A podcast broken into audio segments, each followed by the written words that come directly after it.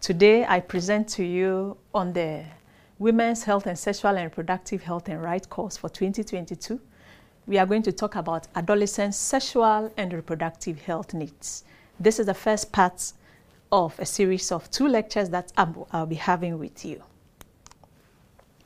By the time I am done with you, we are going to go through some unique definitions for adolescents. I believe most of you have been an adolescent before. We are going to go through why it is a unique stage, and then why must we care when it comes to issues of adolescence. And then we talk about some terminologies that as midwives we should be mindful about in working with the adolescent, and look also at global targets, local interventions that have been done regarding adolescent health.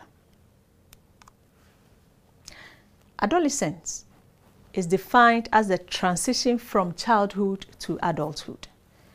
It is a, an age that spans from 10 to 19 years, and it's a critical stage because the individual is no longer considered as a child, and neither is the individual considered as an adult.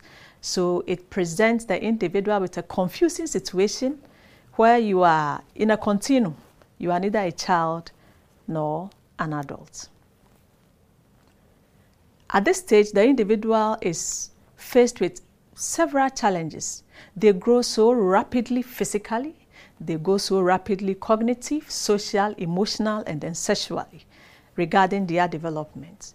However, despite this uh, rapid growth, there is also a widened gap when it comes to adolescence in that the biological maturity and then the social transition to adulthood takes a bit longer.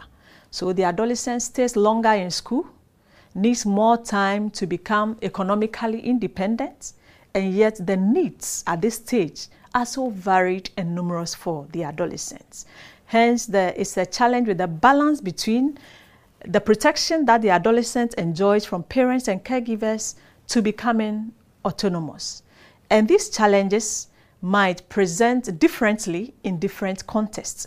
So, for example, an adolescent in a developed uh, country will have varying needs versus an adolescent in a less developed context. Let's look at why we must care. Why must we be talking about adolescent health needs? Everyone has been there. What is so unique about them? Let's look at this. This is a snapshot of uh, populations, okay? It gives you a snapshot of the total population in a given area at a given time. And the bars that you see here is an indication of the age group, each age group in the population from age 0 to 4 to 100 plus in the population. So from the very first bar, the wider the bar is to the left and right, the more the population. And the pink side of it, which is your right side of each of the pyramid you see here, is for female and the other for male. So you realize that the wider it is, the more the population. So from these pyramids I present to you, you realize that the base is broader than the tip, indicating that we have a bunch of young population globally. And when it comes to Africa, you see how wider it becomes. And we have a similar contest in Ghana. You can look for this from the, for the country in which you come from. So, from what I have presented to you, you realize that if you are able to take very good care of the younger ones at the base of the pyramid, you know they grow to assume position. It's not static. So, zero to four, the next five years or four years you go in there, they move up the pyramid. So, if you are able to take good care of the population at the base of the pyramid, with time they become the socioeconomically active group and they work to support any economy in any country. So the quality of the population depends on what you put in for the younger age group. The more you put in efforts to uh, improve their quality, the better age group you have working for the population and improving their health.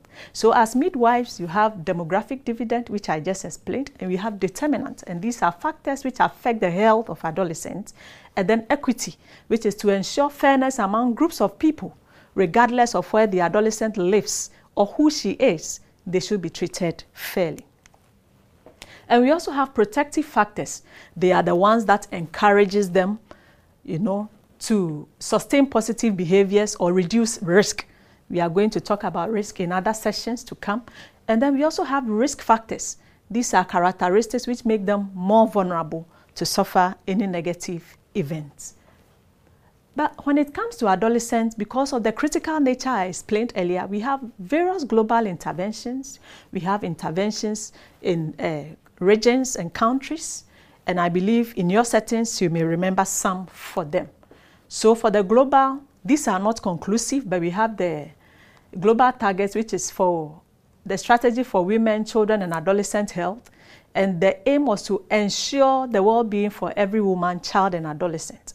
And the target is to, is to ensure that each of them survive, thrive, and transform, meaning that preventable deaths must be avoided, ensure health and well-being for all of them, and also to inspire enabling environment which makes them thrive wherever they are.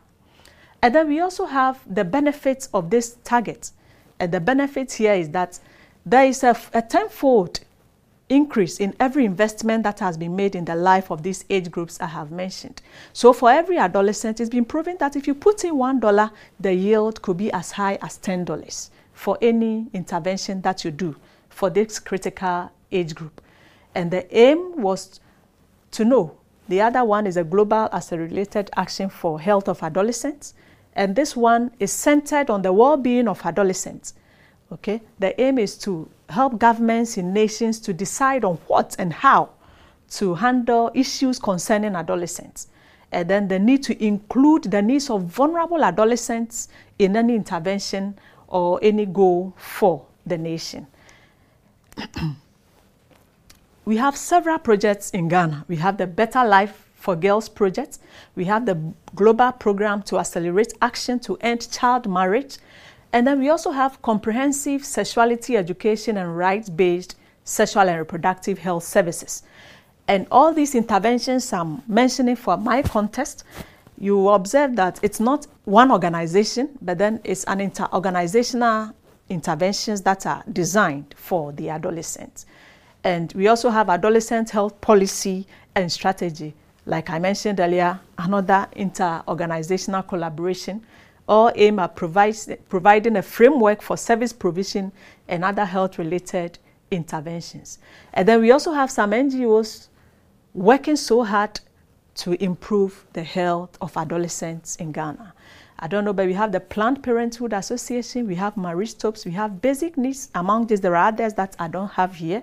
I don't know, but do you remember any from your country? You know of any adolescent health intervention in your country? Well, this is what we have, and I believe there are some where you also come from. So if we have all these in place for the adolescents, why do you think we should be talking about their challenges or their needs? Come with me to the second session where we talk about these challenges that adolescents are grappled with.